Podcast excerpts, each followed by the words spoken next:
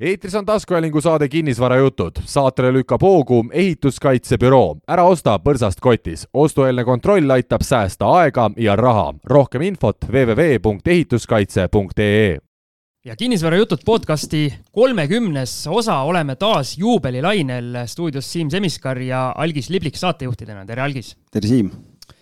suur juubel, järjekordne. jah, eelmine kord oli kommikarp laual, aga täna on nagu tühjad pihud jälle, et kuidas nii? Tegelikult on seesama kommikarp siiamaani laual, nii et äh, Algis, ma ei tea, miks sa petad meie kuulajaid, aga kolmekümnes äh, vanus äh, aastates, see oleks juba päris selline enam-vähem elukogenud mees. kuidas meil nii-öelda kinnisvarajuttude podcastil selles plaanis on? tead, mulle tundub, et sünnitusvalud on ammu läbi ja, ja need suuremad kukkumised on ka tehtud ja, ja vaadates, kuidas meil Facebooki grupp kasvab ja, ja tagasisidet, mis tuleb, siis ma arvan, et oleme täitsa õigel teel ma arvan ise ka samamoodi ja selleks, et seda tähistada, meie juubelit, oleme taas juubeli osasse kutsunud, võib öelda, nii-öelda staarinvestorite hulgast kedagi, ma arvan, et seda meest, kes meil täna rääkima hakkab, võib selliselt nimetada. absoluutselt, no mina olen oma kinnisvara valdkonda sattumise ajal hästi palju kuulanud äh, erinevaid tema igasuguseid esinemisi ja asju, nii et, et ma väga ootasin, millal see hetk jõuab, kus me tema saatesse saame, nii et, et väga äge naljaga pooleks võib vist öelda, et meil on äh, mitte stuudios, aga ütleme siis tehniliste vahenditega stuudioga ühendatud, äh, võib vist öelda Tartu kinnisvaraparun, äh, ettevõtja, suur, suur kinnisvarainvestor Ergo Mõttus, tere! tere! kuidas tundub kinnisvaraparun Tartus või tähendab Tartu kinnisvaraparun, kas võib sinu kohta nii öelda? no neid tiitleid on igasuguseid juba pandud, et eks need on niisugused naljaga, huumoriga võtad ise kõiki neid, et ise ma ei tunne küll, et ma kuskilt otsast väga suur olen ja et mul seda kinnisvara väga palju oleks, et aga, aga ei, huumoriga on, kuna ma ise olen väga positiivne inimene, et siis ma võtan kõike huumoriga. et ei hakka, ei solvu erinevate tiitlite peale. väga hea, Siim, võta õppust.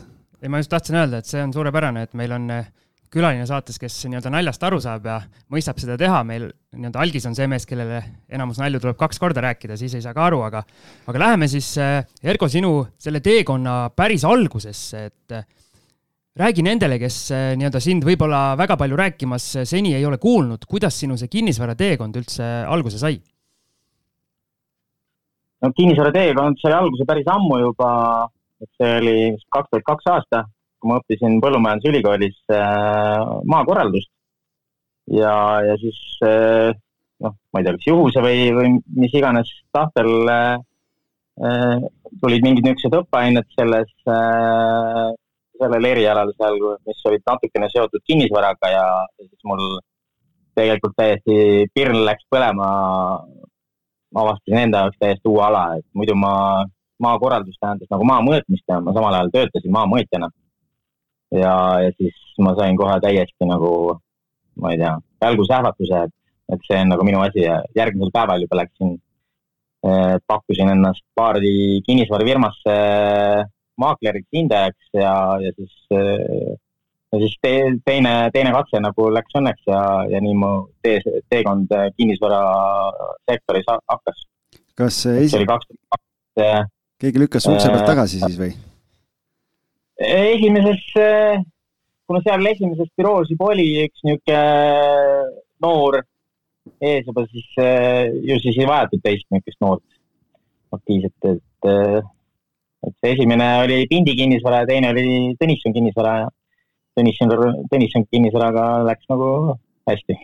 Saateks ette valmistades ma lugesin ühte su vanemat intervjuud ja seal sa rääkisid just sellest alguse ajast, et, et sa tegid selliseid kaheksateist tunniseid tööpäevi et äh, minu küsimus on, et kas äh, edukaks saamiseks tulebki alguses äh, nii palju nii-öelda higi, verd ja pisaraid valada ja kõvasti vaeva näha või on võimalik ka selline lihtsam tee? no see on jah, ma saan rääkida ainult enda teest, et see võib-olla jah, kaheksateist tunnine tööpäev võib tunduda mingi hästi pikk ja raske töö, tööpäev, aga kui sa teed ju asja, mis sulle meeldib, siis see aeg läheb nagu lenneldes, et sa ei pane seda tähelegi. ja, ja algusaastatel ma täiega nagu ikkagi nautisin seda, mida ma õppisin ja mida ma tegin ja, ja see, see oli väga inspireeriv. et, et eks ma kasutasin enda, enda naist elukaaslas sellel hetkel ka mingite asjade tegemisel seal abiks ja et. kuidas see rolli, rollijaotus oli, et mida keegi tegi? ütleme, et äh, ma äh, alguses tegele-, tegelesin päris äh, kõvasti siis kinnisvara hindamisega, et siis see eeldas nagu tegelikult, et sa kõigepealt lähed, vaatad objektid üle, teed pildid, siis hakkad infot otsima ja siis lõpuks, kui kõik materjalid on koos, siis tuleb niisugune lihtsalt tavaline tehniline töö, mida arvuti taga teha, noh, niisugune, ütleme kuiv töö siis, noh. et et, et kogu, kogu protsess ei, selle töö juures ei olnud nagu niisugune lahe töö, noh, mingi osa on sellest lahe, mingi osa ei, ei olnud lahe. aga millal tuli esimene see, jah? et mitte lahedaid osasid ma siis andsin kellelegi teisele abikaasa ideaalne mees. hea taktika. aga mis mu küsimus, mis ma tahtsin küsida, oli see, et millal sai sellest nii-öelda hindamise poolest esimene esimene linnuke, millal tuli, et ahaa, et võiks endale hakata seda kinnisvaraportfelli eh, soetama ja just selle nii-öelda investeerimismaastikul esimesi samme tegema? idee tuli, võib-olla esimese tehingu idee pigem tekkis ka juba sellest, et vanemad kolleegid olid ees ja, ja siis kogu aeg heietasid selle, et, et kui oleks siis ostnud, no mingi, ma ei tea, viis aastat tagasi oleks ostnud selle korteri, mida ta täna hindas näiteks, et siis oleks selle väärtus noh, on, ma ei tea, mitu korda juba, on täna juba mitu korda kallim, et noh, küll ma oleks siis kõva mees ja, ja palju raha teeninud no.. no eks ma panin need äh, tarkuseterad äh, endale äh, kõrva taha ja, ja siis, ja siis hakkasid ise niisuguse pilguga juba asju vaatama, et kui ma esimesed näiteks mingid maakleritehingud seal tegin, nägin, nägin, palju vahendustasu on võimalik teenida ja siis äh, tegin kiire arvutuse, et kui ma ise ostaksin selle asja ja siis müüksin, siis ma teeniksin seal kolm-neli korda rohkem. siis need on liht-, kõige lihtsam matemaatika. see on nagu teise-kolmanda klassi matemaatika. kui pikaks, see... kui pikaks see hindaja teekond sul kujunes siis, et, et kui sa räägid, et noh, et kõrvalt said kohe aru, et numbrid on nii palju atraktiivsemad, et, et kui kaua sa seal siis seda hindajatööd viitsisid teha üldse? No ütleme, et selle hindamise tööga mul oli ikkagi alguses väga suured eesmärgid et, see, et hindaja atestaati saada, ma tahtsin üldatestaati saada, sellel ajal oli, võib-olla tänapäeval nimetatakse teistmoodi neid kutse, kutsetunnistusi. et äh, selleks oli vaja kolm aastat tööstaaži hindaja assistendina ja, ja siis kõrgharidust. kuna kõrgharidus oli mul omandamisel ja, ja siis tööstaaž ka omandamisel, siis lihtsalt äh, seadsin eesmärgi ja selle nimel tuleb tööd teha ja pingutasin, kolm aastat sai täis, tegin eksami ära. sel hetkel, kui ma selle eksami ära tegin, ma sain juba aru, et, et see ei ole tegelikult enam minu nagu kutse sellega jätkata. aga inertsist, eks ma läksin edasi. et kuna sellel, see oli kaks tuhat kuus aasta, kui ma selle atestaadi sain, kaks tuhat kuus aasta lõpp, siis, siis lihtsalt see, selle eest maksti nagu väga head raha, noh eks ma võtsin selle raha kõik vastu, mis, äh, mis anti ja, ja suunasin oma, oma ettevõttesse rahavoo, rahavoona, et, et siis äh, investeeringuid paremini hallata. ma siia vahele ütlen kuulajatele, et meil osas number neliteist käis äh, hetkel siis hindajana tegev äh, Anu Alatsei, kes rääkis meil rohkem hindamise teemadel, aga Ergoga, ma arvan, lähme rohkem sinna investeerimise poole sügavuti, sest see mees seda teemat ju mõistab suurepäraselt ja ma küsingi, et kas alguses sa tegid siis neid tehinguid rohkem nii-öelda vaheltkasu eesmärgil, et ost-müük ja millal sul tuli siis esimene üüriobjekt?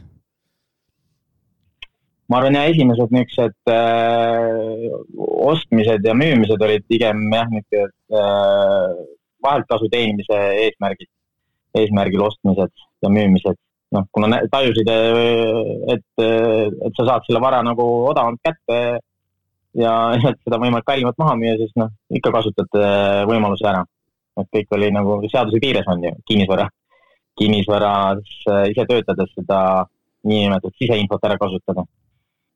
või oma kogemust siis ja aga niimoodi pikema või no ütleme, et niimoodi investeerimise mõttena rohkem seda ma hakkasin pigem pärast seda, kui, kui ma olin võib-olla lugenud seda Rikas isa vaenlase raamatut, siis hakkasin kuidagi teistmoodi võib-olla mõtlema ja vaatama üldse seda, seda maailma. ja, ja siis, siis tekkisid ka noh, sealt raamatust ideed, et kuidas, kuidas äh, laenu kasutada, kuidas, äh, kuidas neid tehinguid üldse kokku panna, nii et ise üldse raha ei pane ja kõik, kõik see pool. Hästi huvitav, vaata tegelikult, kui palju üks raamat on mõjutanud meie külalisi, meil on hästi palju, kes siin on käinud, kõik on, on rääkinud sellest raamatust ja, ja ise lugenud seda ja noh, Siim muidugi jõudis sinna alles hiljuti, aga, aga no parem hilja kui mitte kunagi, et äh, ma tuleks korra selle hindaja asja juurde ikkagi tagasi selle mõttega just, et äh, noh, minu seisukoht, kuna ma ise töötan maaklerina igapäevaselt, siis on lihtsalt see, et äh, minu meelest nagu kas hindajana või maaklerina toimides saab lihtsalt turul nii hea kogemuse ja, ja noh, nii palju infot ja kõike seda et äh, noh, ma kujutan ette, et kui sa nüüd tagasi vaatad, siis tegelikult see töö, mida sa hindajana tegid, et see on nagu hindamatu kogemusega ka täna sulle, et kui palju sa täna kasutad nii-öelda neid teadmisi või oskusi, mida sa hindajana kunagi omandasid selleks, et aru saada, milline on see hea tehing ja milline mitte või täna sul on juba seda kogemust ja kõhutunnet nii palju, et et juba selle pealt tulevad nagu mingid otsused ära, enne kui üldse hakkad Excelit vaatama no ütlen, ütlen ausalt, jah, ma hästi palju ikkagi juba siis kõhutunde pealt nagu neid asju, otsuseid sai seal tehtud, et, et algusaastatel hindamis, hindamise ei olnudki nii, nii karmilt reglementeeritud nagu täna. et siis tõesti sai Annelin korterit sai hinnates tegelikult kõhutunde pealt, ei pidanud kuidagi ära tõestama kellelegi, et et sellised tehingud on tehtud, vaid lihtsalt äh, teadsid, et umbes naabrimees müüs seal ja, ja sõber müüs siis panidki selle info hindamisakti ja oligi tulemus koos, noh. et tänapäeval ei saa nii teha. aga jah, see kogemus, mida ma tollel hetkel sain, see on kindlasti hindamatu väärtusega ja miks, miks ma seda hindamise tööd ka enam teha ei saanud, väga raske oli seda edasi teha, sest äh, mina nägin, äh, kõike hakkasin nägema läbi investori pilgus. ja, aga hindaja peab olema põhimõtteliselt minevikus kogu aeg, mitte tulevikus. tehingud tuleb minevikust ja kokku panna praeguse hetke. aga ma nägin juba kogu aeg äh,, nägin juba homset päeva põhimõtteliselt nendel, nendest tehingutest nägid kogu aeg seda, vaatasid, et oi, mis selle objektiga teha saaks ja kuidas, kuidas siit maksimaalselt kasu oleks võimalik võtta, jah? no jah, ma hakkasin igat objekti vaatama niimoodi, et, et kui ma saaks ise selle ära osta, siis mis hinnaga ma ise ostaksin seda. aga kui sa rääkisid selle hindamise maailma need erinevused eh, tolle ajaga võrreldes tänapäevaga, aga mis üldiselt siis kinnisvaraturul teistmoodi oli, kui sa praegu võrdleks seda hetke, kus me praegu elame ja siis need aastad, kui sa alustasid? ütleme, et see on äh, kogu aeg sarnane. teadmatus tuleviku ees tegelikult on, on kogu aeg olnud üks ja sama. ja kogu aeg on kinnisvarahinnad kallid olnud, äh, et see meedias, meediakajastus äh, kinnisvarahindadest kogu aeg sarnane. et selles osas ei ole mitte midagi nagu muutunud, et et üks hetk kui kogu aeg millestki, ma ei tea, negatiivsest rääkida, et hinna, hinnad üks hetk kukuvad, noh, kelle jaoks on negatiivne, kelle jaoks positiivne, aga et siis küll nad üks hetk siis kukuvad, noh. et aga sinnani võib minna päris mitu aastat ja, ja nagu, nagu näha, äh, mõni inimene sai vahepeal edukaks selle ajaga, et, et ei kukkunudki hinnad. selle peale ma saan öelda, et mul on üks, üks hea sõber, kes iga kord, kui me kokku saame, räägib, kui kalliks kõik kinnisvara on läinud, aga ta on teinud seda juba aastaid, ehk siis kui ta oleks esimene kord, kui ma seda juttu kuulsin, oleks äh, võtnud ennast kätte ja midagi ostnud, siis äh, praegu oleks päris hea seis. just, meil käis siin eelmises osas käis üks, äh, üks naisterahvas rääkimas Tallinnast, kuidas tal on ka Kadrioru ja kesklinna piiri peal korter, mille ta kaks aastat tagasi ostis tuhat kaheksasada eurot ruut, täna on umbes kaks tuhat viissada eurot ruut. et kahe aastaga tohutu väärtuse kasv, et kui see sõber sul kaks aastat tagasi oleks ostnud, et siis, siis ma arvan, ta täna oleks õnnelik, et oh, kus on hinnad tõusnud, et eks see on perspektiivide küsimus, et aga sinu see algus no. oli ka, jah, vabandust. et see kahe tuhande teisel aastal äh, mul need vanad, vana kolleeg, kes oli pluss kuuskümmend aastat vana, noh, rääkis täpselt sama juttu kogu aeg, noh, juba siis aga midagi ei olnud teinud siis või? ei olnud midagi teinud, jah no vot, siit, siit võib-olla meie kuulajatele selline tähelepanek, et hakka ikkagi mingil hetkel pihta ja siis pärast, viie aasta pärast saad tagasi vaadata. heietame viie või kümne aasta ja. pärast kahe tuhande teisel aastal teeni, teenis kroonides teenis kakskümmend viis tuhat krooni kuus palka ja ühetoaline korter maksis viiskümmend tuhat krooni. aga ta ei ost-, ta ei, ei pannud raha kinnisvarasse. liiga riskantne oli jah, et kohe-kohe tuleb krahh ulme, ulme no,, mis numbrid? ei tea noh, lihtsalt ta ei talle meeldis lihtsalt mõelda niimoodi või öelda või rääkida, et, et oleks ostnud, siis oleks rikas. no ohvreid on ka vaja ju, ega siis ilma nendeta ka. aga, aga ühe tehinguga me ei saa keegi rikkaks, et noh, et kui seesama tütarlaps, kes Kadriorus ostis kaks aastat tagasi selle korteri tuhat kaheksasada euri ruut ja täna on kaks tuhat viissada, siis noh, tore on ikka jah, et mu vara on tõusnud, aga, aga sellega nagu oravaratest välja ei saa. Just, et kui aga... täna müüa see Kadrioru korter maha ja midagi tahad asemele osta, siis eh, ega siis eh, noh. Siis ostad ka, siis ostad sama hinnaga, et nagu selles mõttes jah, et ega sealt eh, täna ju asemele pole väga palju head midagi võtta, et väga-väga kõvasti peab otsima.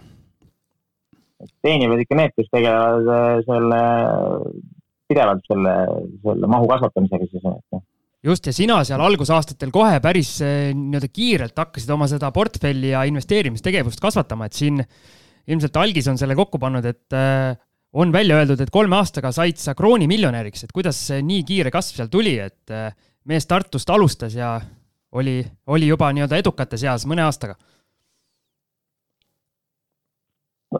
eks see on jah, kõikide, noh, eks see oli selle töö, töö vili, mida ma siis äh, pingutasin, et, et ma ju hakkasin päris hästi ju seal tegelikult raha teenima kohe seal, no mitte kohe nüüd alguses, aga aga ma arvan, kui esimesed kolm kuud olin tööd teinud juba, siis, äh, siis äh, üle kümne tuhande euro seal kuus, mitte euro, vaid krooni kuus hakkasin juba raha teenima ja aga ma enda kulusid, äh, kulud olid mul ikka endiselt madalad, sest ma lihtsalt panin selle raha kõrvale ja, ja ootasin õiget hetke, kus teha mõni suurem tehing ja, ja, ja see hetk jõudis kätte seal kuskil kaks tuhat viis, neli, neli seal jah, kahe aasta pärast, kus ma siis eh, ehitasin välja ühe katusealuse ja, ja võtsin, no ehitasin oma rahadega välja ja siis, eh, siis oli selline laenutoode nagu hüpoteeklaen, pangad pakkusid seda.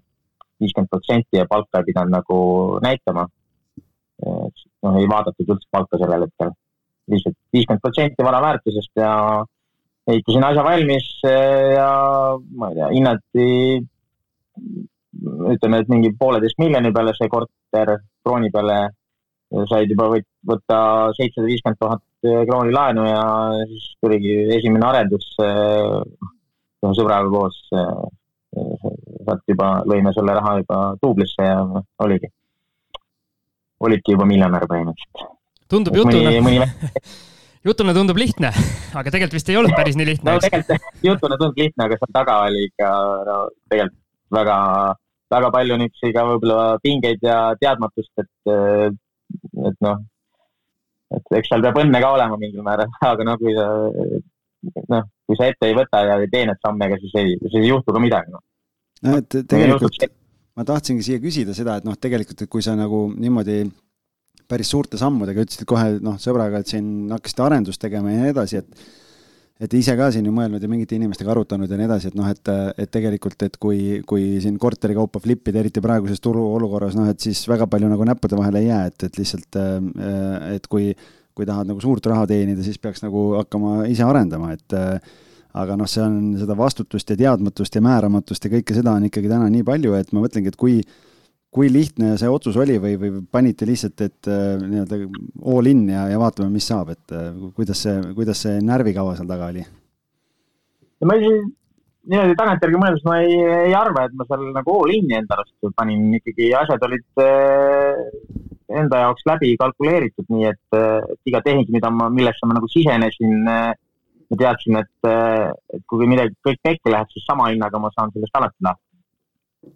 et algusaastatel äh, põhitehingud olid mul tagastatud majade, tagastatud majade siis, no need sundüürnikega majad. ja nende väärtust oli võimalik puhtalt äh, läbi selle tõsta, et ma üürilepingut suutsin seal ära lõpetada mingit kompensatsiooni maksta põhimõtteliselt läbi, läbi lihtsalt suhtlemise inimestega. Ütleme, et siis need äh, tavaliselt olid need omanikud olid kas väliseestlased, kes ise ei äh,, ise ei tahtnud nende üürnikega suhelda. ja, siis äh, mina võtsin selle töö enda peale. ehk siis võtsin maja okei okay, hinnaga enda arust ära ja siis kolme-nelja kuuga suhtlesin üürnikega niimoodi, et sain äh, võib-olla enamus sealt välja. ja siis oligi maja väärtus kohe juba kasvas, noh, kas nüüd sada protsenti, aga noh, viiskümmend protsenti kindlasti. sa rääkisid oma selle alguse arenduse, selle nii-öelda laenuosa ka ära. Need olid need suure kriisieelse ajad, et, et tänapäeval selliselt enam laenu tõenäoliselt ei saa, kui siis, et keegi üldse ei vaata, mis su nii-öelda palgad ja asjad on, et võta vaid see viiskümmend protsenti ja hakka toimetama. mul on tunne, et tänapäeval saab veel lihtsamini laenu ühisrahastustest aa, nojah, et eh, lihtsalt nii-öelda. sest ühisrahastus annab ju, kui sa suudad eh, hästi ära skeemitada, ma kujutan ette, sa suudad sada protsenti saada laenu peale. mina sain tol hetkel viiskümmend protsenti vara väärtusest, mis on eh, panga jaoks väga riskivaba ja, ja kui täna ma neid ikkagi arendusi teen, siis pank annab mulle täna endiselt viiskümmend protsenti vara turuväärtusest või siis ostu-müügi hinnast ehk minu jaoks nagu otseselt mitte midagi ei ole muutunud. laenutoode muutub. reeglid on samad. intress on äh, muidugi parem, kui oli tollel, tollel ajal oli, omaksin üle viie, seitse protsenti isegi oli äh,, olid hüpoteeklaenu intressid olid siis kõrged. aga räägi sellest kriisiajast, et äh, kuidas sa sinna vastu läksid ja kuidas see suur kinnisvara ülemaailmne kriis äh, sind lõpuks mõjutas? Üks väike šokk tekkis endalgi tollel hetkel, ega teadmatusele, et mis, mis saama hakkab. Äh, mul olid kõik laenud olid bullet, bullet laenud. aga õnneks mul ei olnud ühtegi sellist äh, vara portfellis sellel hetkel, no mäletan äh, paar, paar mingit rumalat tehingut oli ka tollel hetkel portfellis, aga enamus oli, oli selline vara, mis mul tootis üürivoogu. ehk siis eelmise kriisi ajal oli mul umbes viiskümmend viiskümmend üürikorterit juba niisugust väikest. ja need suutsid äh,, üürid suutsid mul katta siis äh, äh, intressid. et ma põhiosa ei maksnud tagasi, mul oli ainult intressikulu ja, ja kui pank oleks muidugi raha tagasi kutsunud kohe, eks küll ma siis oleks mõelnud. eks ma samal ajal ju kogu aeg müüsin ka neid mingeid korterid, noh miks ma bullet laenu sain võtta, oli tänu sellele, et äh, panga jaoks oli see nagu müügiprojektina võetud äh, projekt sisse. aga ma tegin nagu mõlemat noh. mingi osa müüsin, mingi osa jätsin alles alati ja, ja tänu sellele nad ka nagu pikendasid, et äh, ma kogu aeg toimusin mingeid tehinguid. mis aja, mis aja peale seda bulletit anti sulle tavaliselt, kui pikk see periood oli? aasta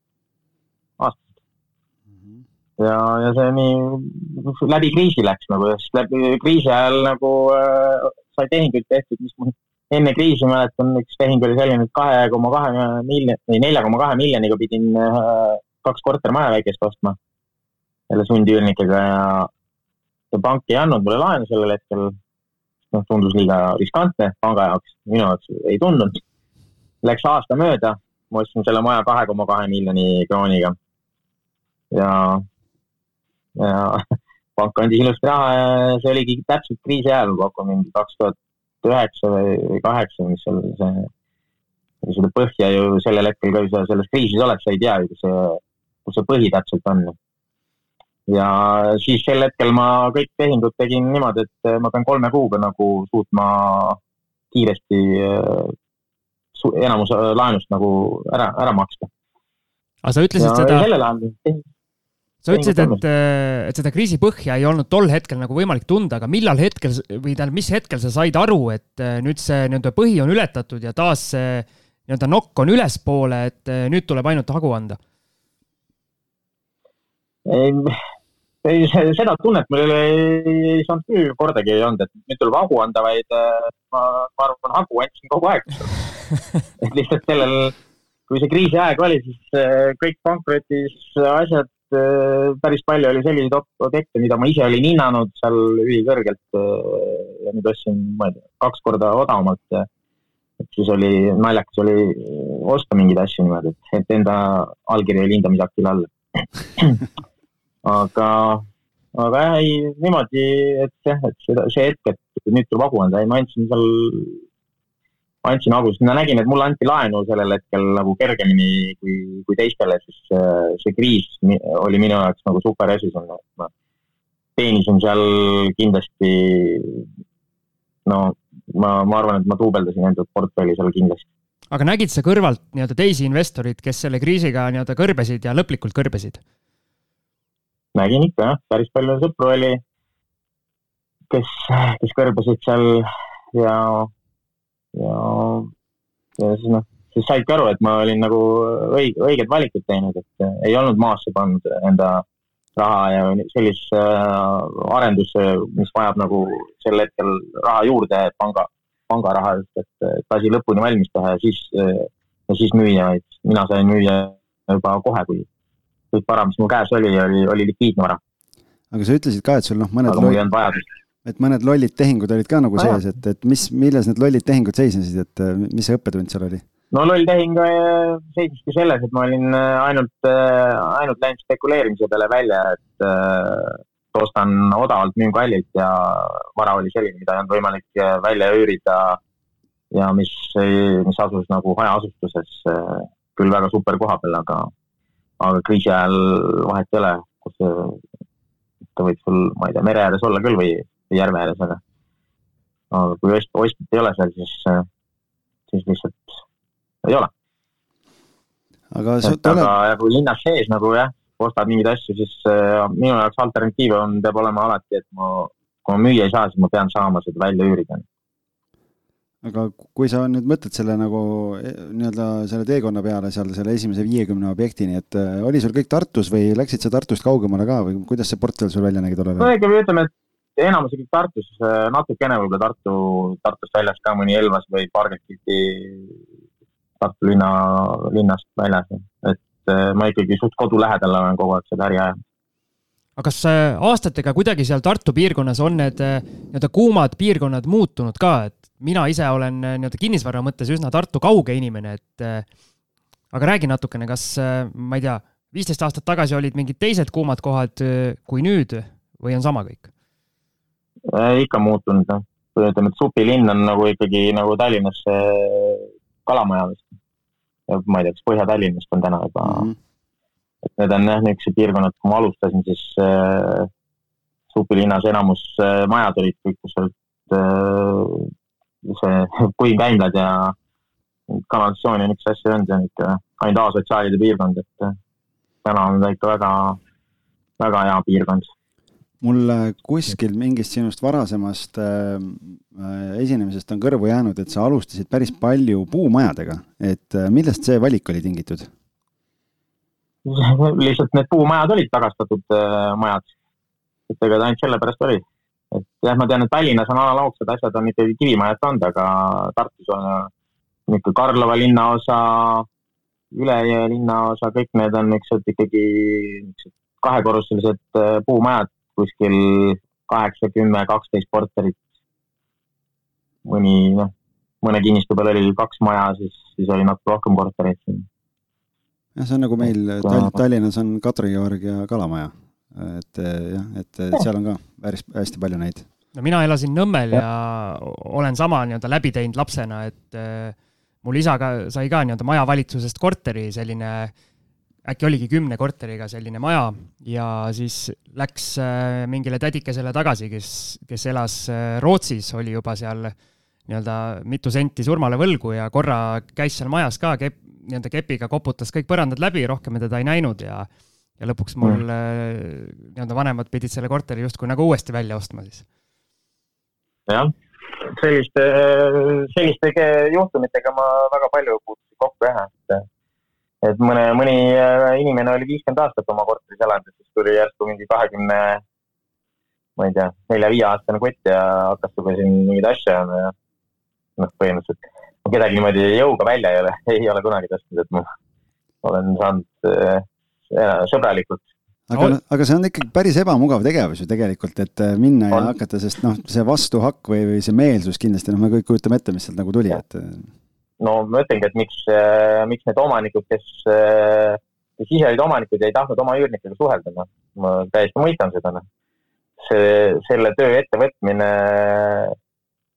on, on väga niisugune sensitiivne aga noh, mulle tundub, et ega siin joonistub ikkagi välja seesama asi jälle, et ükskõik, mis valdkonnas sa edukas tahad olla, et kui sa oled valmis selle extra mile'i nagu astuma ja tegema asju, mida võib-olla väga paljud ei taha teha, siis sealt tuleb ka see, see tulemus, mida võib-olla väga paljud ei saa, et. Jah, jah. aga ma küsin seda, et äh, mis sa arvad, kas praegu on äh, hea hetk investorina alustamiseks ja kui sina peaksid nüüd alustama, mis taktikaga seda sa teeksid, et see sundüürnike värk ilmselt äh, enam ei tööta? no see, seda ei ole lihtsalt jah, seda staatustki vist enam ei ole. et aga eks ma kinnisvaraga ikkagi toimetaksin. et noh, arvatavasti üritaks ikka leida mingi niisuguse, niisuguse kinnisvara, millesse on võimalik siis kas ise raha veel sisse panna ja, ja selle väärtust tõsta. kuidas iganes, ütleme valmis asja ma ei ole kunagi ostnud noh, mõni üksik tehing. aga aga valmis asju, kui sa tahad, äh, tahad teenida vahelt kasu ikkagi rohkem, siis tuleb osta poolik asi. kas siis remonti vajav asi, pooleli jäänud keegi, keegi on äh, ebaõnnestunud, äh, pankrotti läinud asi, noh. et nendest on võimalik ise luua väärtust juurde, et mulle tundub, et sa oled selline mees, kes nii-öelda ükskõik, mis olukord on, siis näeb neid võimalusi seal turul, et aga kuidas äh, saada selliseks inimeseks, et hakata neid võimalusi nägema, ma saan aru, sinul on see hindaja taust, eks äh, see annab hästi palju juurde, pluss siis äh, nii-öelda pikk kogemus, aga kui tuleb nii-öelda minusugune, ma ei tea, onu Siim kuskilt ja tahab ka hakata selliseid häid tehinguid tegema, kas mul on üldse mingit šanssi või ongi see nii-öelda siseinfo seal kinnisvara valdkonnas nii oluline?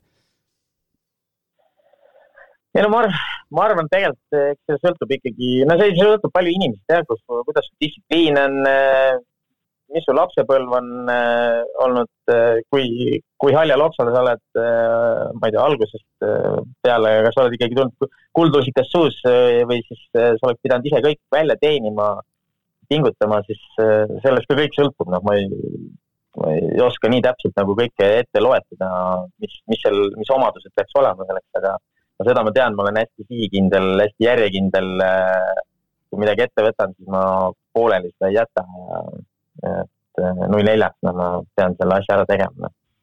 et, äh, et ma arvan, et, et kui täna ma peaks alustama ja ma tean enda isikuomadusi täna oluliselt rohkem, kui ma olin noor kahekümne aastane, kes ei julgenud väga võõraste inimestega üldse suhelda, siis noh, täna teades kõike seda, mis, mis on, siis no igal juhul saaksin, saaksin hakkama, et eh, eks ma olen isegi mõelnud vahepeal seda, et, et kui ma, ma ei tea, näiteks oleks ehitajaks hakanud või noh, ma arvan, ma oleks eh, selles sektoris eh, samamoodi jõudnud kaugele. aga vahepeal, vahepeal, kuna meil on üle poole tunni siin räägitud, teeme lühikese pausi ja siis jätkame juba Ergo nii-öelda, kuidas ma ütlesin, Tartu paruniks kasvamise teel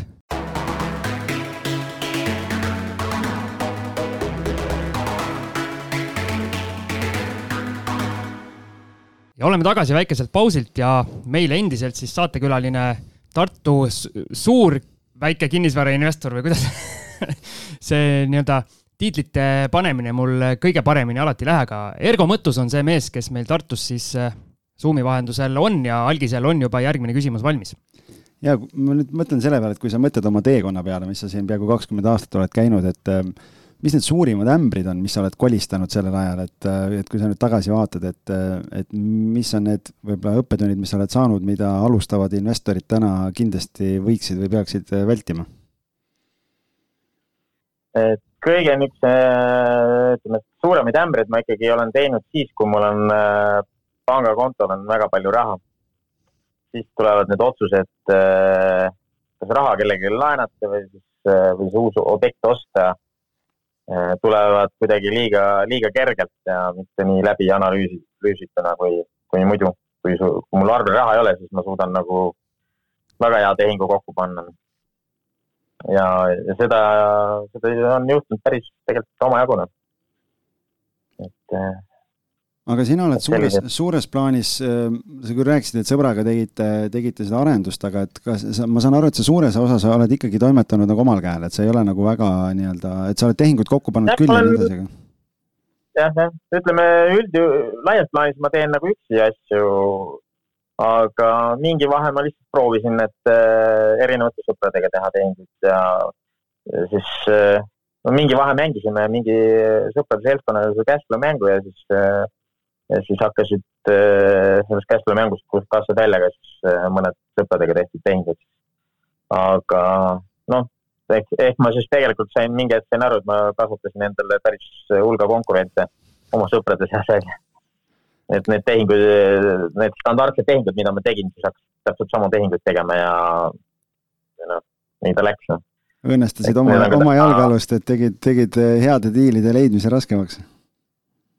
jaa, kindlasti aga, aga sul... no see, see eeldaski seda, et pead ise kasvama veel suuremaks ja siis äh, tegema, hakkama tegema veel suuremaid asju, et siis, äh, siis jah, teise liivakasti, teise liivakasti on vaja liikuda, et siis, siis on nagu rahulikum jälle.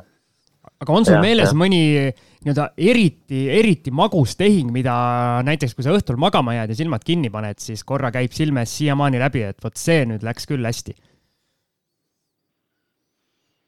oh.? Ma arvan, üks selline tehing on praegu pooleli no nii, no nii, me tegime valel ajal saate, kuule oleks veel neljakümnendas saates kutsuma. sellised äh, tehingud on äh,, aeg-ajalt ikka tuleb ju selliseid ette, et äh,, et just mäletan algusaastatel, kus ma ostsin ühe krundi, mis oli siis tegelikult detailiga niimoodi jagamine ja sõprade käest ostsin nagu ja siis meil oli kõik hind juba kokku lepitud, mäletan kolmsada tuhat tuhat krooni oli seal ja kuna detail seal venis natukene ja noh, ütleme, et kolme kuu pärast pidime tehingu tegema, aga läks mingi pool aastat. ja, ja siis äh, lõpuks me läksime tehingusse mingi viiesaja tuhande krooniga. ja, ja ka suureniks juba vihaga, et läksime tülli ja seal noh, see on päris sõber oli, aga ütleme, et noh, lähituttav ja ma kolm kuud hiljem ikkagi suut-, noh, suutsin selle, selle vara veel ise pooleteist miljoni krooniga maha müüa, et, et see, see oli niisugune hästi huvitav aeg. et noh, teades, et on ju see sõber, kes mulle seda müüs, me leppisime hinnaks kolmsada tuhat, noh, tema ka nägi, et see vara väärtus on vahepeal juba kasvanud, aga meil oli nagu kokkulepped tehtud, noh. okei okay,, tegime siis, olin nõus nagu maksma veel rohkem, on ju, kolmesajast viiesaja tuhandest aga et läks veel kolm kuud mööda ja ma suutsin ise müüa selle äh, pooleteist miljoni krooniga maha, sest noh, sellised tehingud jäävad ikka meelde ja, ja, ja samal ajal ma ei teinud nagu see, ei olnud ainult üks tehing mul portfellis, vaid äh, niisuguseid sähvatusi seal pool miljonit äh, samal ajal veel ühe tehingu pealt ja pool miljonit teise tehingu pealt, et siis, siis tundus küll nagu, et kõike, mida puudutad nagu muutub, läheb pullaks ja kas seal on ju see oht ka, et võibki lohakaks minna, et noh, kui vaatad, et no nii easy no, eks jah, no siis ma läksingi veits lohakaks ka jah. tuligi üks mõttetu investeering kuhugi kahe poole miljoni kroonine kuhugi mõttetusse hajaasustusse. mingi remonti vajav asi ja no siis ostsin endale kuuesaja viiekümne tuhandega auto ja sulas välja okay., no ja siis tuled ja viled kohe. aga ma tulen korra nüüd tagasi selle sinu praeguse, selle poolelioleva tehingu juurde, et ma saan aru, et sa ei saa rääkida, mis see on, aga aga just selle mõttega, et minu meelest nagu hästi palju räägitakse sellest, et noh, täpselt nagu sa ise ka alguses ütlesid, et hästi palju oodatakse seda aega, et noh, et kõik ta tahavad turgu nagu lüüa, et, et noh, küll need hinnad kukuvad ja kukuvad ja viis ja kuus aastat on juba oodatud ja ja eelmine kevad hakati hästi kõvasti rääkima, aga oled sa nõus sellega väitega, et kui sa praeguses nii-öelda turuolukorras ütled, et noh, et üks hästi magus asi on nii-öelda soolas. Et tegelikult nii-öelda igas turuolukorras on tegelikult võimalus leida neid tehinguid ja, ja pigem ikkagi teha nii, et, et nagu mitte nagu lükata edasi, vaid astuda see esimene samm ja, ja alustada, kui see, et oodata nüüd viis aastat, et noh, äkki ma siis, siis on nagu parem aeg, nagu sul kolleeg kunagi seal ootas, on ju, et, et, et kui sina praegu suudad suuri mastaapseid tehinguid teha ja on nagu maasikad, et, et mis sa ütled nagu uutele inimestele, kes nagu kõhklevad, et kas ikkagi alustada või mitte praegu? no ma soovitan ikka alustada muidugi, et see ootamine on kõige mõttetum asi. noh, sa jäädki ootama, noh. jah, sest pangad on ka ju väga val-, valmis praegu laenu andma, nii et, et selles mõttes ju noh, sõltub muidugi, kui sa alustav ettevõte oled, siis ei saa. suvalisi tehinguid on nagu mõttetu. See ei tähenda ka, et äh, täna alustamine ei tähenda seda, et ma nüüd kohe täna lähen, võtan kaave ette ja ostan esimese ettejuhtuva asi, vaid, vaid see eeldab ikkagi analüüsimist ja, ja tööd, et aga noh, selle tööga siis pihta hakkamine, et ehk hakkadki otsima täna juba ja leiad selle võimaluse, kuidas, kuidas seda objekti finantseerida ja kindlasti, kindlasti tasuks, kui plaan on, siis peaks ikka kohe pihta hakkama kas kinnisvara on sind kunagi nii-öelda endast välja või närvi ka ajanud, et on eh, isegi tulnud tahtmine käega lüüa ja lõpetada see jama ära? ikka on neid äh, perioode olnud, kus ma, ma ei olegi võib-olla teinud, teinudki vahepeal mitte midagi, et siis äh, mõtled, et ongi juba piisavalt ja palju seda ikka vaja on ja, ja, ja mõne rumala üürnikuga ise suhtlemine on ikka väga närvi ajanud.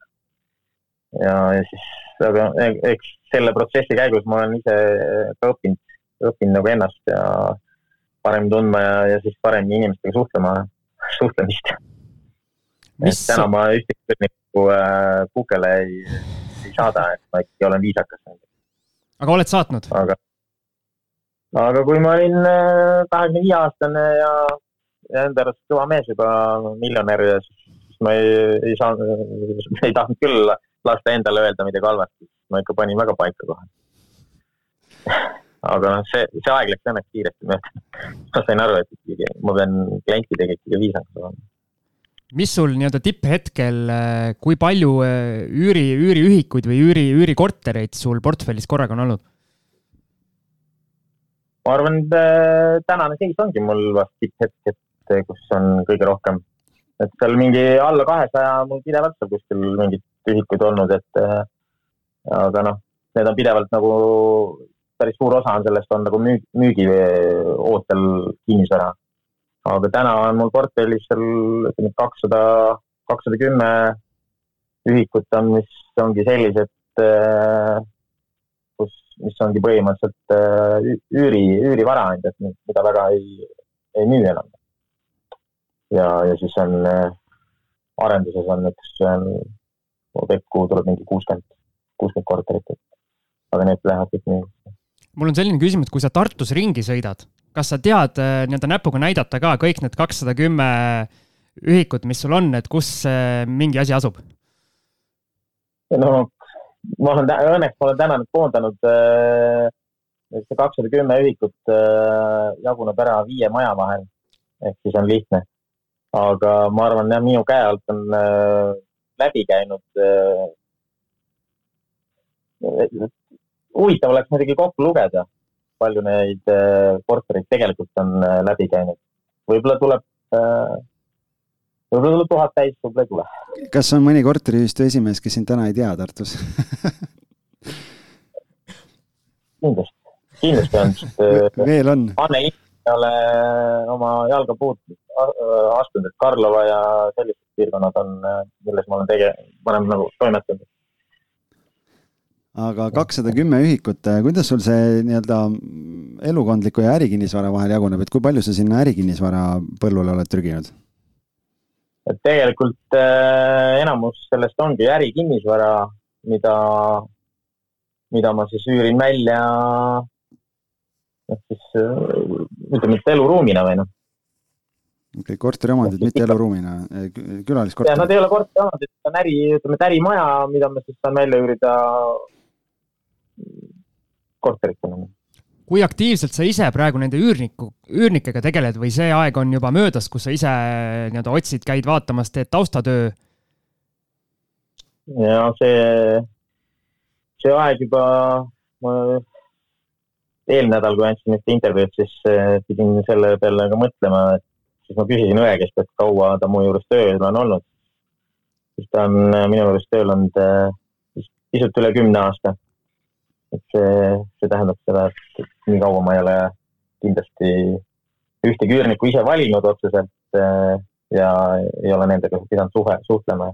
aga kaevu siis sellesse nii-öelda kümne aasta tagusesse aega korra ja, ja proovi vastata sellisele küsimusele, et milline üks hea üürnik olema peab või milline oli sinu jaoks hea üürnik, keda sina tahtsid oma, oma korterites näha?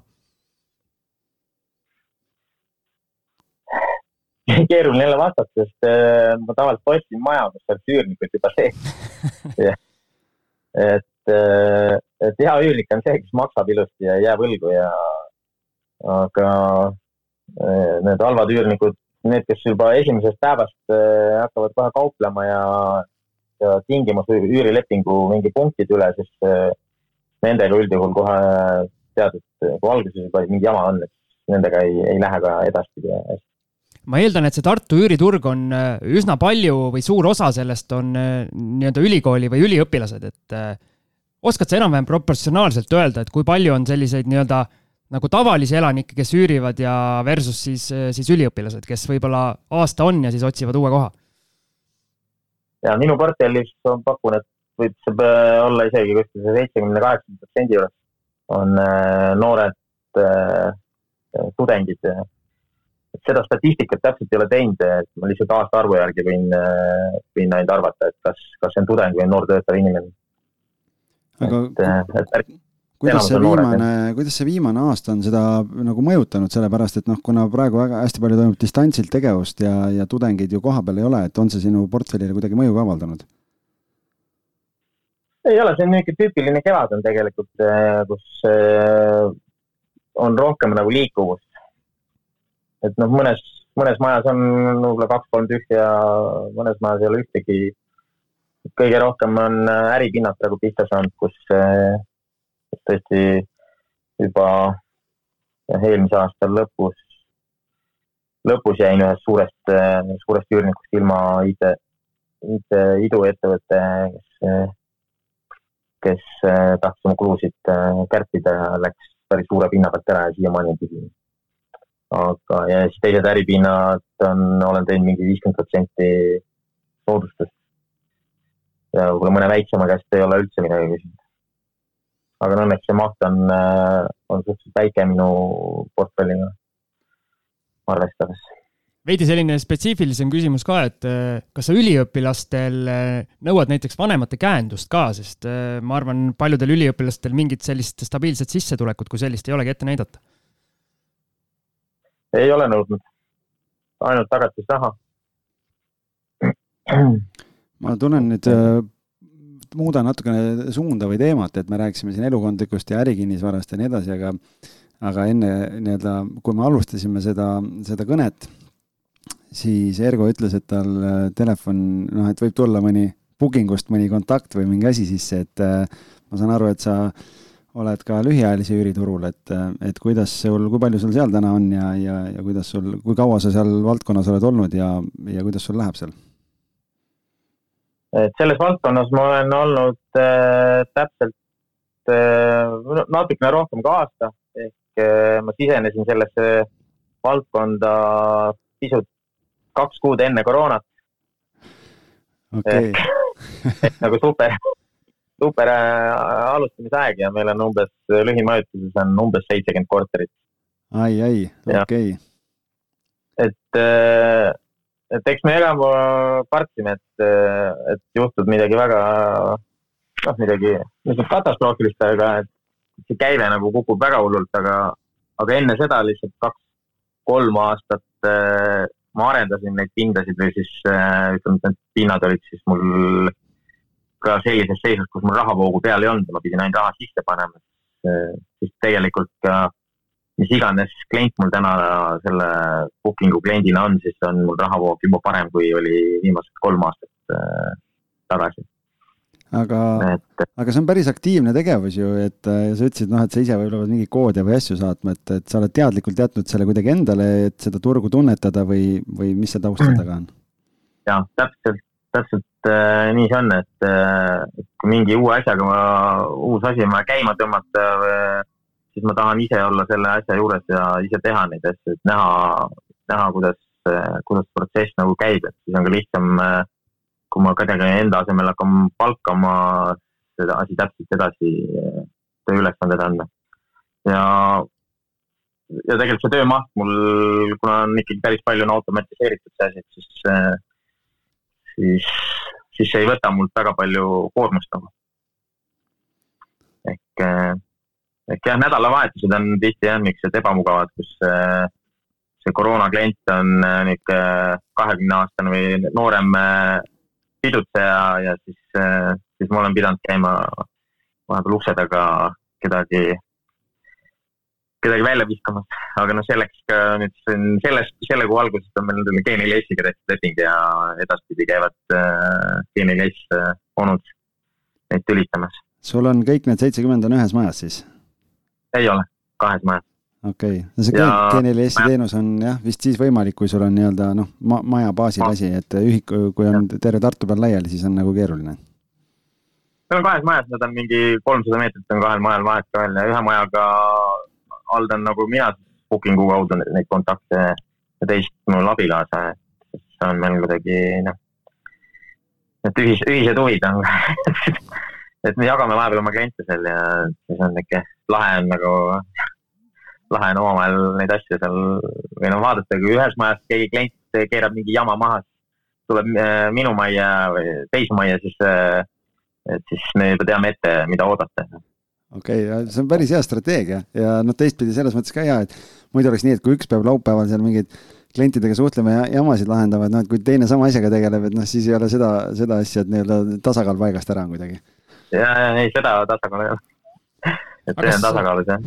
kas see ei oleks üks siht eh, nii-öelda lühiajalisel eh, rendil, et tehagi üks selline maja, kus eh, sa reklaamidki välja, et see on nii-öelda pidumaja, et näiteks reede õhtu, laupäeva õhtu oodatud need kliendid, kes nii-öelda kõvasti pidu panevad. no edu sulle, Siim, kui sa sellise maja teed, ma ei, mul ilma selletagi allates siin neid objekte, ma ütlen, et no. purunematu ja mööbel peaks ka olema nagu vangi, vangidele, et äh, Meta. metallist voodid ja kõik on ju, et äh, jah. ühesõnaga tulistati mu idee kohe maha, jah? absoluutselt, jah, et. et meil viimased markantsemad niisugused Äh, toredad juhtumid on sellised, kus äh, noored äh, tulekustutitega jooksevad mööda mu koridori ringi ja lasevad niimoodi seal tulekustutit tühjaks ja kaamera, mul on kõik kaamerad üles pandud, ma näen seda nagu, aga noh, ma näen alles seda siis, kui, kui keegi helistab ja ütleb, et mingi jama on kuskil. no ma just tahtsingi küsida, et kui on nagu teised vaatavad nädalavahetusel, panevad ajud kapi peale ja vaatavad Netflixi või midagi, et siis teie vaatate live-kaameraid, et mis seal trepikodades toimub, et on see meelelahutus no enne magaminekut mõnikord vaatad, et ajad adrenaliini üles, et aga et kas on vaja mingit kõnet teha või ei ole. et kui rahulik uni tuleb, et siis tead juba häälestada ennast, et. sellises faasis juba, et sa ei, ei, ei pea nagu midagi tegema, siis aga et elu liiga igavaks ei muutu, siis sa aeg-ajalt võtad endale mingeid niisuguseid naljakaid kohustusi.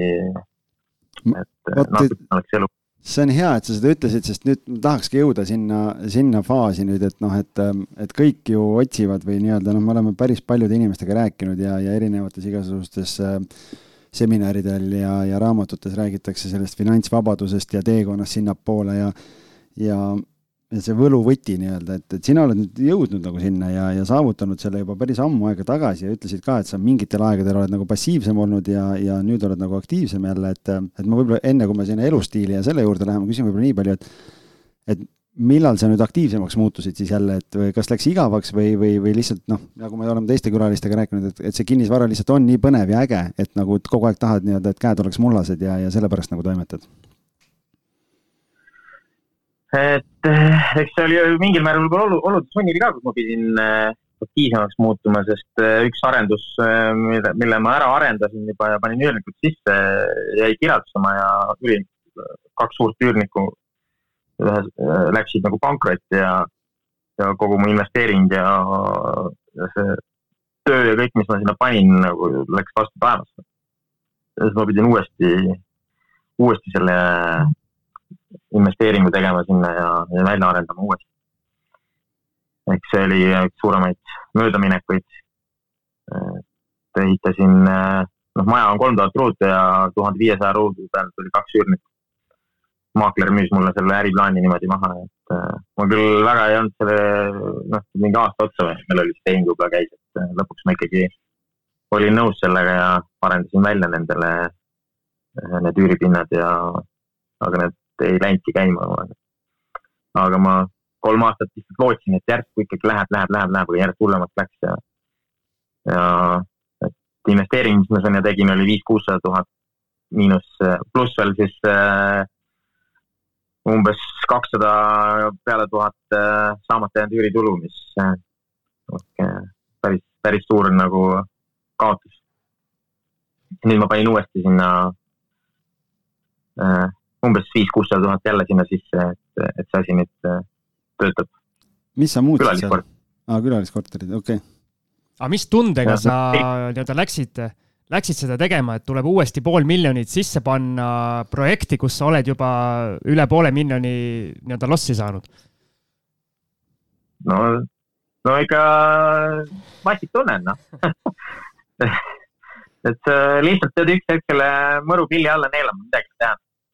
Et äh, kui, kui ta oleks jäänud siiamaani veel, noh, siis äh, see turg, äh, see, üürnik, kes seal sees oli ja need üürnikud, noh, need pinnad oleks siiamaani endiselt tühjad. ja see maht on päris suur ikka, tuhat viissada ruutu jah, et see nagu ei ole naljaasi. no täna on sellesama tuhande viiesaja ruudu peal on äh, kolmkümmend kaheksa üürikorterit, mida oleks võinud kohe teha. aga noh, siis ma ei osanud, ei osanud näha sellel hetkel Äh, sellist, sellist asja, isegi sellise kogemuse pealt. okei okay., aga kui me nüüd räägime sellest finantsvabadusest ja sellest elustiilist, et kui sa nüüd mõtled nagu tagasi selle peale, et, et sina kahekümne viiesena või noh, mis sa seal rääkisid ja, ja, ja sina täna, et mis sa teed täna üldse või mida see finantsvabadus siis tähendab, mida kõik nii nii-öelda, mille poole kõik püüdlevad, et, et võib-olla räägi sellest, et mida see sinu jaoks muutnud on eks see on muutunud seda, et noh, täna neljakümnesena lapsed on ka juba sellises äh, suuruses, et äh, üks on kaksteist, teine on kahe, kaheksa.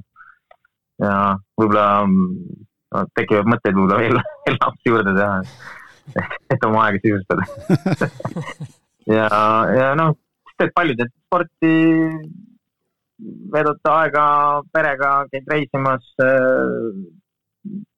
ütleme, et ikkagi enamus asju, mida, mida ma täna teen nagu töö, on ikka väga vähe seotud tööga. ikkagi vaba aja sisustamisega ja et. aga kui palju see sind, kui palju see sind inimesena on muutnud, et noh, et kui sul on nagu aega, siis et oled sa nagu fookust pannud sellele ka, et ise inimesena nagu areneda või, või, või noh, kui sul on see ajad ja võimalused, et kas see kuidagi selles plaanis ka nagu muudab, et? eks äh, kindlasti sest hästi palju ma olen äh, mingeid uusi asju elus juurde õppinud. viimased viis-kuus aastat äh, kogu aeg õpin nagu hispaania keelt, kogu aeg omal keel juurde. noh, vahepeal äh, mingi joogaaeg oli, vahepeal tegin, ma ei tea, viis aastat hästi aktiivselt joogaga. siis võib-olla vahepeal tegelesin mingi surfamisega, noh, siis viimased viis aastat olen ka tennisega tegelenud väga niimoodi süvitsi, et, et et mu tase on täna seal täitsa teise liiga tiputasemel, noh, mis on nagu enamus, äh, kes teises liigas mängivad, on ikkagi võib-olla juba lapsepõlvemängijad seal. Äh, ja et noh, et see on ikka noh, mõnus niisugune teekond. mul küsimus selle surfamise kohta, et kuidas seal Emajõel surfata on, et äh, kui, kuidas see välja näeb? ei, ma käisin Pärnus seda tegemas, et oligi keeruline Tartust Pärnusse sõita eks ta päris kiiresti nagu äh, muutus tüüt-, tüütavaks. Okei okay,, aga hispaania keele õpingud, need, kust need tulid, et sul on Hispaanias on ka midagi, et käid seal või? ei, Hispaanias ei ole midagi, me lihtsalt kolm aastat, kolm talve järve, järjest nagu käisime perega Hispaanias siis nagu elasime talvel ja siis sellest tekkis nagu idee, et noh, mõnikord tulevad mingid ideed niimoodi, et oh, mulle hispaania keel meeldib ja hakkad, hakkad lihtsalt äh, õppima ja, ja siis õpid. Et inglise keele ma ei, õppisin ka ikkagi omal käel sel-, ma ei saa öelda selgeks, aga et ma saan inglise keelega hakkama ilusti, et äh, koolis oli mul saksa keel, äh, saksa keelt ma täna ei oska nagu üldse enam, sest ei ole üldse seda vaja olnud.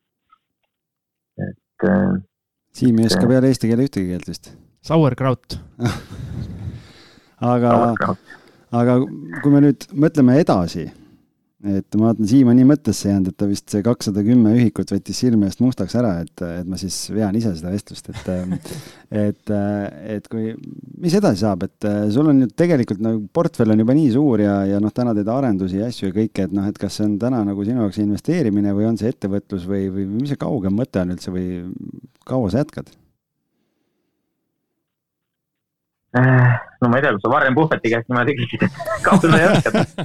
et äh, millegi tegemine lihtsalt hoiab sind nagu aktiivsena, et, äh, et loomulikult ma ei, ma ei viitsi täna enam tõusta kell, kell kuus või kell seitse üles, et ma, ma ei tea, magan, magan kella üheksakümneni ja siis alustan enda päeva alles. et äh, aga eks, eks see selle ettevõtlusega seotud ole, et, et lapsed kasvavad ja võib-olla vaja välja koolitada lapsed, et kes hakkavad sama asju tegema. kaheteistaastane tütar isegi, kui ema küsib, et mille jaoks seda raha kogud, onju. et miks sa selle, miks mina pean sulle ostma selle mingi, mingi, ma ei tea, niini-nänni asju. muidugi ei pea ostma, mina kogun enda raha selle jaoks, et ma endale korteri saaksin osta, nii nagu issi tegi oh,. et siis ma olin selle üle olin päris õnnelik, et, et ma olen suutnud äh, ühele lapsele vähemalt alateadvusse juba mingi mustri istutada. midagi on elus hästi tehtud, on ju, et äh, no suur tänu. aga ma küsin sellise. tal koolis, koolis väga hästi ei lähe, aga mul ka koolis hästi ei läinud ma küsin sellise küsimuse, et sa enne siin, enne siin mainisid, et ühel hetkel sa nii-öelda kasvatasid end, kasvatasid enda sõpradest endale konkurendid, et kuidas nendel konkurentidel läinud on? Kas keegi su nii-öelda paruni positsiooni ei ole ähvardama tulnud? no nii hästi, neil läheb hästi, aga nad ei, nad ei ole nii julged, kui mina olen. ma ikkagi võtan, võtan asju suuremalt ette kui, kui nemad ja keegi ei julge niimoodi võib-olla laenu ka võtta, nii nagu mina võtan, sest mul ikkagi see portfell on piisavalt suur, et ma, see võimaldab äh, võtta päris suuri laene ja, ja ka, et sa suudad teenindada neid asju aga selle julguse koha pealt küsides, et kas ei ole seda olnud, et mida suuremaks sul see portfell nii-öelda kerib ja mida suurem see risk on nii-öelda, mida kaotada, et siis võib-olla see julgus jääb väiksemaks või sul seda probleemi pole olnud? seda probleemi ei ole olnud jah, et sest ma ikkagi, ma ei lähe nüüd nii suuri tehinguid ka tegema, et kui mu portfell on, ma ei tea, kümme miljonit, et ma lähen kahekümne miljonist tehingut tegema, seda ma ei lähe et, et täna, täna mul äh, portfellis või see objekt, viimane objekt, mida ma arendan, ongi kuskil seal võib-olla kokku võib-olla neli-viis miljonit. Äh, ehk seegi on juba suhteliselt nagu, ma enda portfelli vaatan, et äh, päris niisugune suur, et, et, et selliseid nagu, no ei lähe jooksma kohe niimoodi tegema, et oh, teen ära selle. Noh. ikkagi võtab natukene noh kas nüüd värisema, aga ikkagi peab äh, rahulikumalt läbi kalkuleerima, et kas, kas ma suudan selle üksi ära teha või, või, või pean äh, leidma mõne partneri endale. kui palju neid asju, mis sa täna arendad, kui palju sa nendest endale teed ja kui palju on need, mis sa müügiks teed? no ütlemegi, et põhi, põhi tegelikult värki, et ma ei ole, olengi enamus asjad olen endale teinud üüriks ja, ja need vanad asjad, mis on olnud, olen müünud eest ära ja siis uuendasin portfelli eelmine aasta sai ju sada, sada ühikut enam-vähem juurde tehtud. Eh, aga ma müüsin ka päris palju vanu, vanu asju ära. ehk siis summa summarum, et mu portfell saja pealt kasvas kahesaja peale, seda ei olnud, pigem oli mul võib-olla oli seal sada, ma ei tea, sada viiskümmend ja müüsin kolmkümmend ära ja tegin sada juurde, et eh, umbes selles, sellises mahus. ja e-, eelmine aasta, siin selle aasta alguses eh, lõpetasin ühe kolmekümne ühe korteriga arenduse, mis oli mul koos partneritega tehtud. ehk ma ei, üritasin teha äh, arenduse, kus ma ei pannud ise ühtegi euri sisse. Ja sellised tehingud on, on, mis pakuvad mulle nagu siis, no ma ei tea, pinget või ütleme, et on huvitavad, et, et kuidas teha ikkagi tehing, äh, ma raha, raha ise ei saa, ainult oma teadmisi ja kogemusi ja, ja siis tööd või siis panen kedagi tööle, panen naise tööle, naine, naine müüs selle maja maha, teed korterit, et noh. kas naine teeb oma tööd, teeb hea meelega? jaa, naine, tegelikult noh, naine ongi mul viiskümmend protsenti, me oleme osanikud viiskümmend, viiskümmend. et viimased ütleme, et aasta-poolteist on, on naine siis samamoodi aktiivselt nagu siis sõbra kinnisvara tegemistes. muidu ta ei, ei ole üldse väga seal toimetatud ma küsin äh, sellised tehingud, mis sa teed nii-öelda, et sa ise ühtegi senti sisse ei pane, et äh, mis see nii-öelda sinu enda nii-öelda osaluse või, või nii-öelda kogu selle töö ja panuse ja kogemuse hind on, et äh, mis osa sa sealt nagu endale küsid? on see saladus või ei ole? see on erinev, noh. et see on võib-olla kahekümne viiest protsendist viiekümneni, võib-olla jah, umbes niimoodi juba. et kui sul on äh, neid kogemusi ülipalju nende aastatega kogunenud, minu küsimus on, äh, millal sa autobiograafilise raamatu kirjutad ja kõik need saladused ka nii-öelda letti laod, mida sa võib-olla seni veel välja pole rääkinud? ma arvan, ma olen nii palju ikkagi rääkinud ja, ja, ja tänu sellele, et, et see Roosaare ja ka täna kinnisvaraga tegeleb, on äh, päris palju on, olen mina selles isegi süüdi seal, et et eh, ehk eh, aga, aga selle, sa küsid, millal raamat tuleb. Eh, ütleme, et mul ühe eesmärgina on kuskil kirjas küll, et peaks millalgi raamatu, raamatu välja andma. aga ilusad tead pealkirjad on ära võetud juba. rikkaks saamise õpik ja no, ja nii edasi. kinnisvaraparunit ei ole veel keegi teinud, nii et, et siin Siim võib-olla võtab väikse autoritasu endale sealt selle koha pealt, aga. ei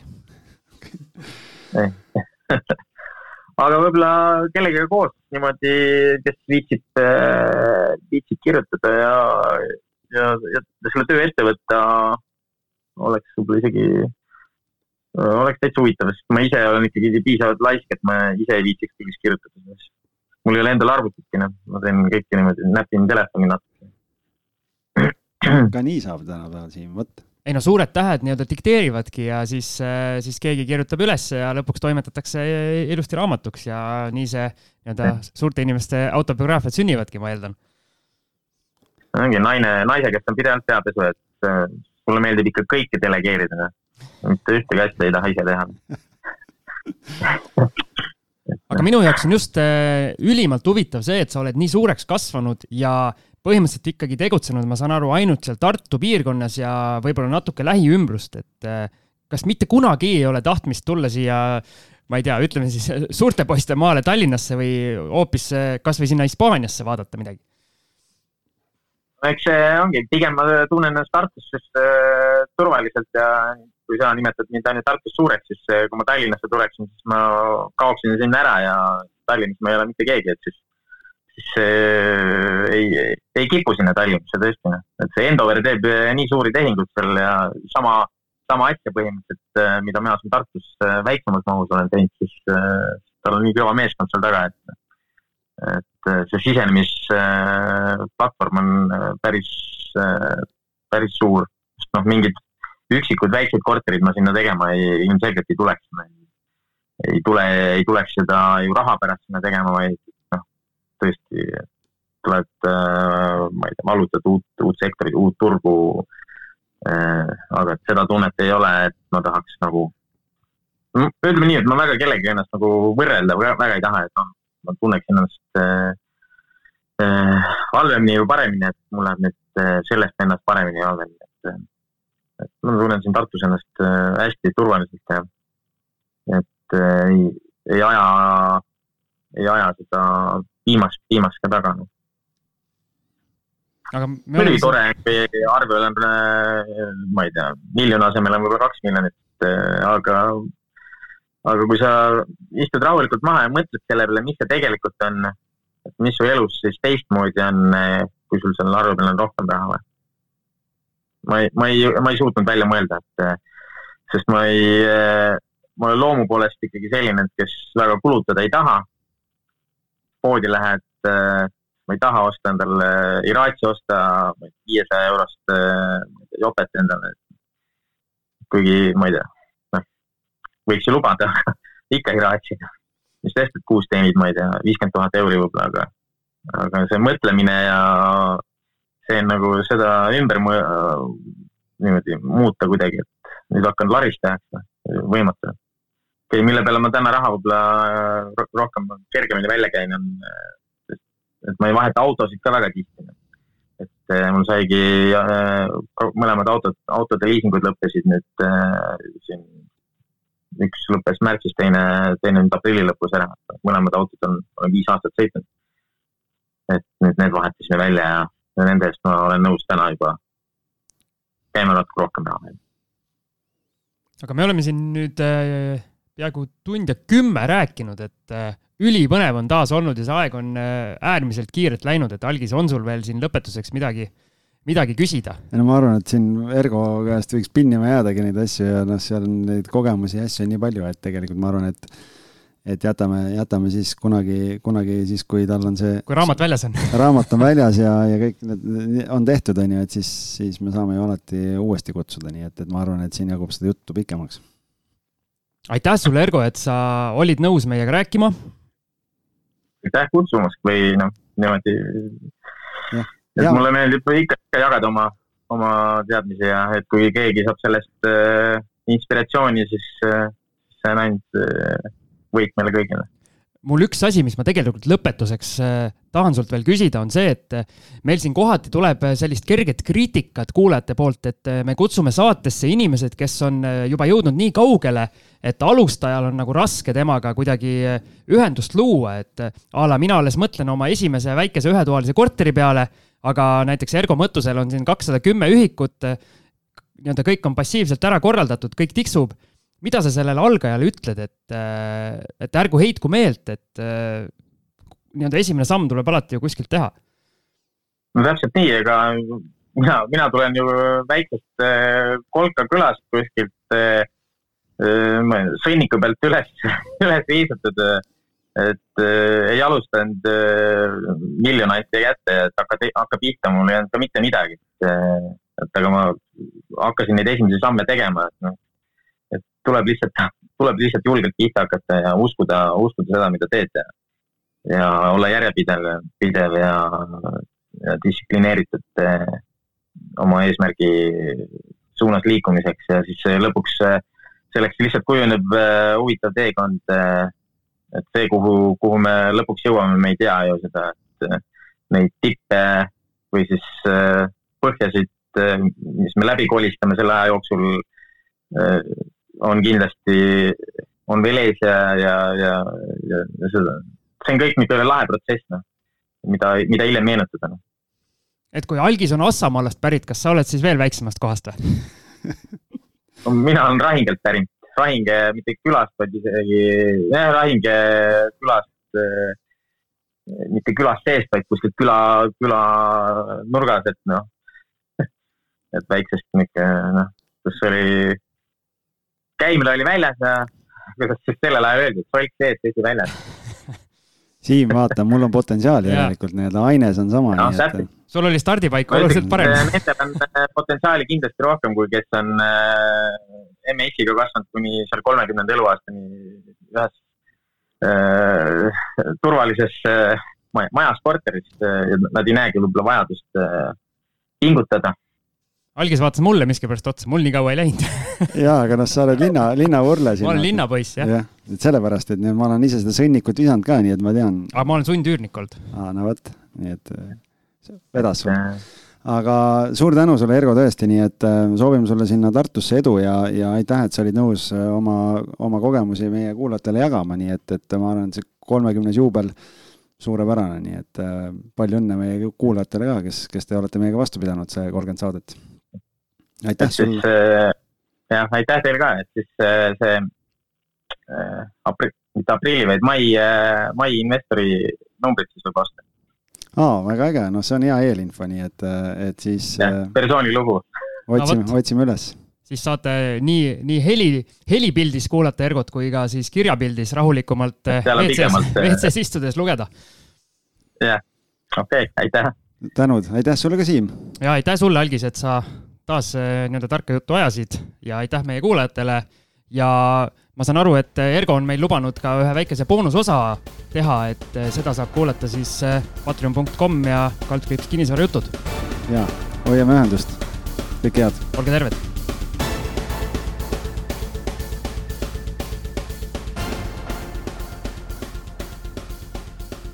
kinnisvara ostueelne kontroll aitab säästa aega ja raha. vaata lisa www.ehituskaitse.ee